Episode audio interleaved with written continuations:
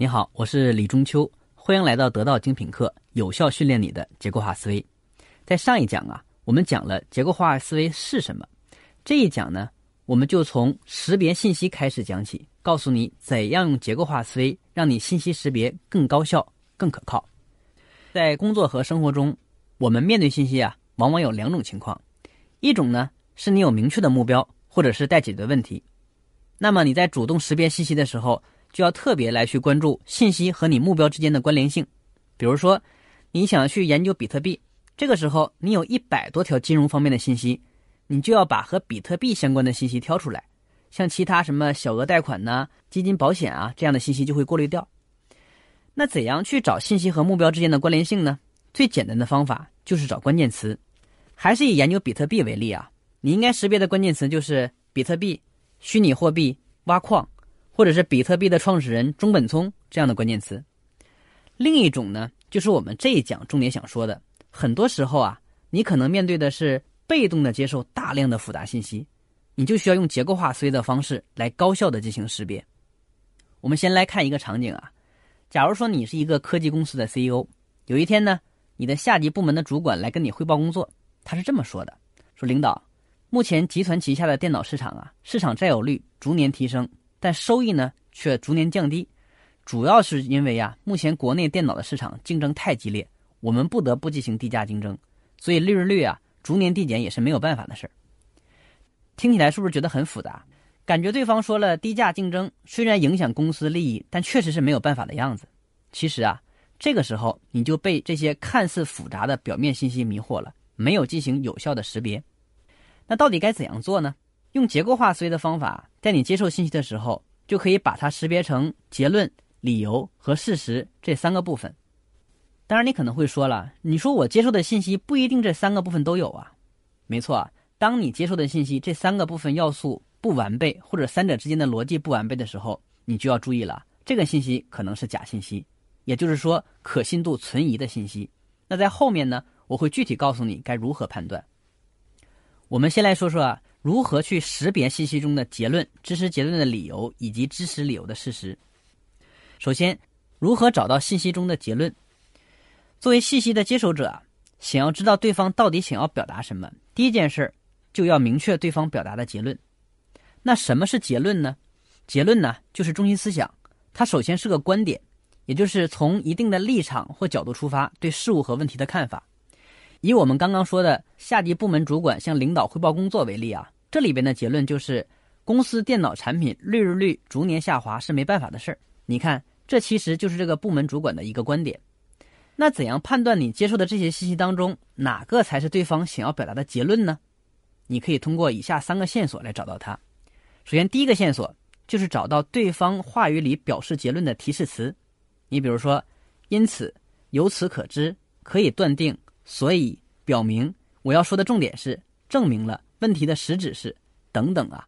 当你听到这些词的时候，你要注意了，后边出现的往往是对方的结论。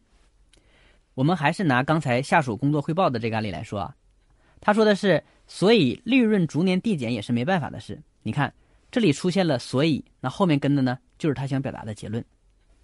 那第二个线索呢，你可以关注接受信息的时候的几个重要位置。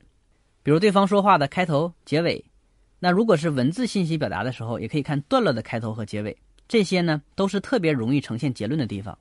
比如刚才那个汇报的案例当中，利润逐年递减也是没有办法的事，这句话呢就出现了下属汇报的结尾的位置。那第三个线索，如果是面对面的交谈，你可以尝试着去问问对方，所以呢，如果下属工作汇报他不停的说，却毫无头绪。这个时候，你就可以通过追问“所以呢”，让他快速说出他想表达的结论。这种方法其实同样适用于特别隐晦的文字信息。看完信息以后，你可以尝试着问自己说：“所以这篇文章想要表达的结论是什么？”这样可以逼迫你去思考，或者从其他信息当中去寻找结论。讲完了如何找到结论，下面我们再讲一讲识别信息的第二步：辨别支持结论的理由。判断一个结论是否有价值啊，首先要去观察这个结论是不是有理由支撑。比如咱们开头的案例当中，下属对你说：“国内电脑产品竞争太激烈，我们不得不进行低价竞争。”这两点呢，就是他认为的利润逐年降低是没有办法这件事儿的理由。那怎样找出理由呢？其实也是有迹可循的。你可以关注对方话语里的一些提示词，比如说原因是，因为这个事实，有下列原因，介于，证据是第一、第二、第三等等啊。就像这个下属汇报的时候就会说，主要是因为目前国内电脑产品竞争激烈，我们不得不进行低价竞争。这里的提示词呢，就是因为他后边说的呢，就是他认为的原因。那最后识别信息的第三步啊，是找出信息中有哪些事实。如果我们前面说的结论、理由可以是主观的，那么事实一定是客观的。什么是客观的呢？数据和不带感情色彩的事例是客观的，它是通过金字塔结构拆解到最后支撑结论和理由的东西。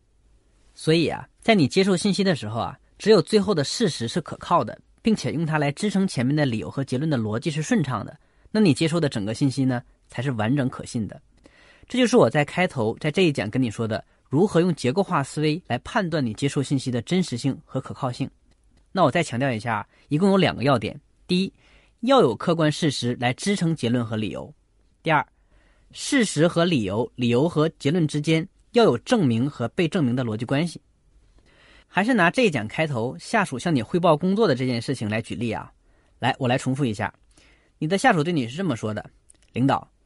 目前旗下的电脑产品市场占有率逐年提升，但收益却逐年降低，主要是因为目前国内电脑的市场啊竞争太激烈，我们不得不进行低价竞争，所以利润逐年递减啊也是没有办法的事儿。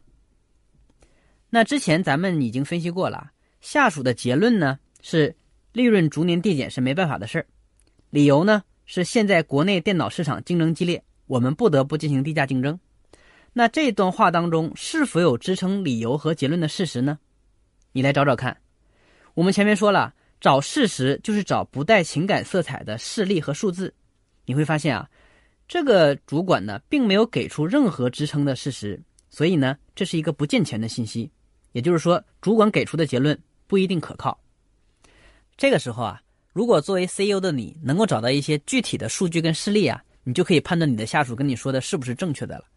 比如说呢，你找到了一个数据说，同一年啊，在另一家公司的电脑产品在同样竞争的环境下，不但提价了，业务同比增长了百分之三十一，而且利润还涨了百分之五。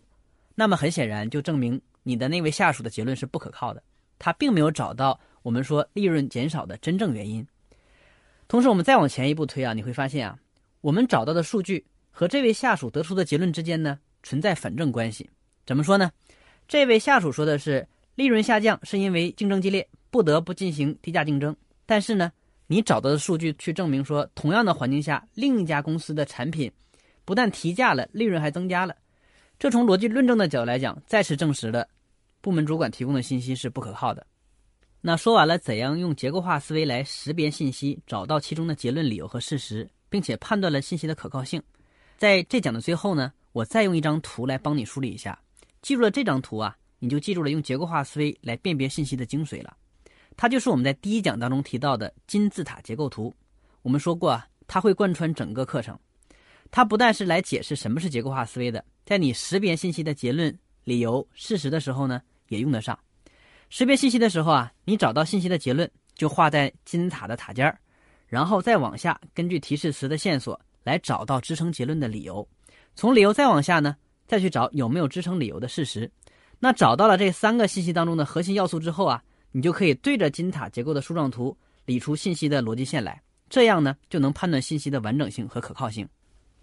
好，那总结一下，在这一讲呢，我给你介绍了如何用结构化思维来去识别信息，它不但可以帮你更准确的抓住事物的核心，还能判断信息的可靠性。最后呢，我还跟你说了金字塔结构图在过程当中的运用。下一讲呢，我会给你讲结构化思考的第二个步骤。如何用不同的结构模型对信息进行分类？